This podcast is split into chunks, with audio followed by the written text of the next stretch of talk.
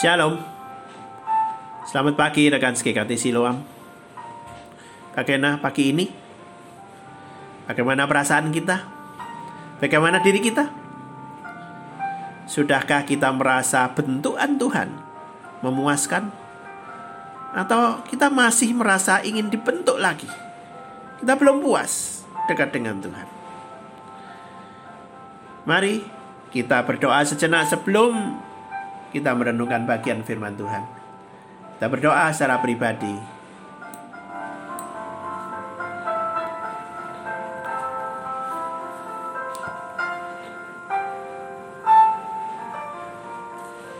Hmm.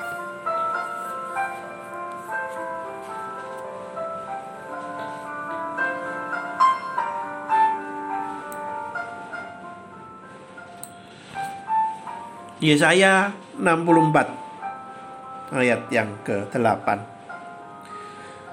Tetapi sekarang ya Tuhan, Engkaulah Bapa kami.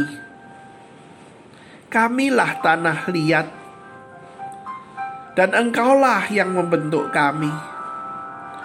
Dan kami sekalian adalah buatan tanganmu. Ayat ini mengungkapkan pengakuan bahwa Allah lah yang berdaulat atas diri kita, anak-anaknya. Bukan diri kita berdaulat atas diri kita sendiri.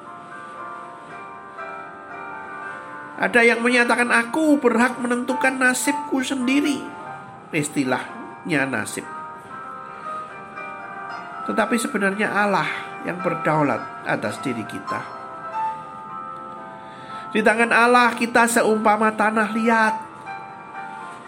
Allah sedang membentuk kita menjadi bejana atau satu alat atau satu perabot yang sesuai kehendaknya yang digunakan bagi kehendaknya juga.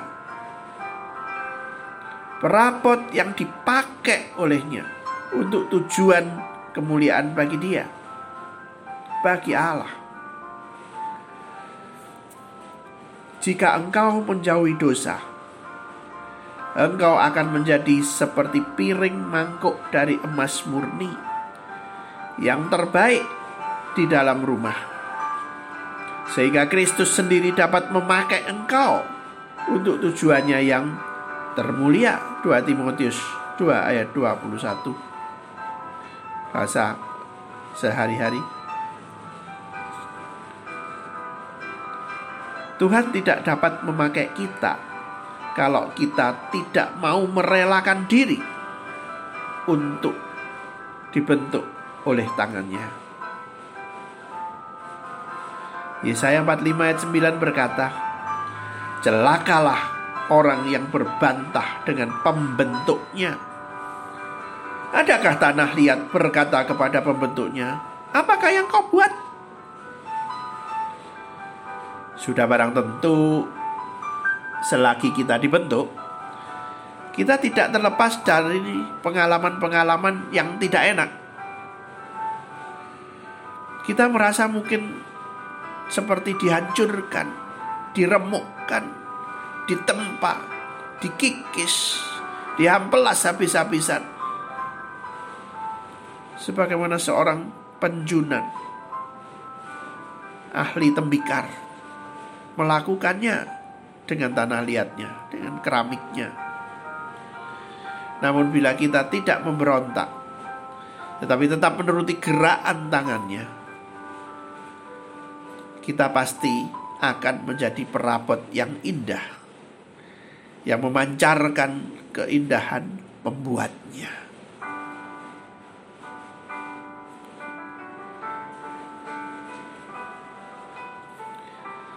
Setelah kita mengerti gambaran ini, mari kita memandang segala persoalan, kesusahan, pencobaan yang kita alami.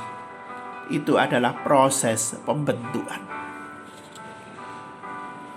Proses itu mau tidak mau harus kita alami. Bila kita rindu menjadi alat Tuhan yang siap dipakai untuk tujuan yang mulia. Tidak perlu takut dibentuk. Karena ia membentuk kita dengan kasih setianya. Sampai kapan pembentukan itu? Sampai maksimal, yaitu saat kita pulang ke rumah Bapa. Pada saat pulang, kondisi kita sudah dibentuk maksimal. Nah, bagaimana dengan kita? Mari kita setia dalam pembentukan Tuhan, setia di dalam proses pelayanan, setia di dalam berjemaat, beribadah, menyembah kepada Tuhan, setia juga dalam berkorban untuk Tuhan. Shalom. Selamat pagi.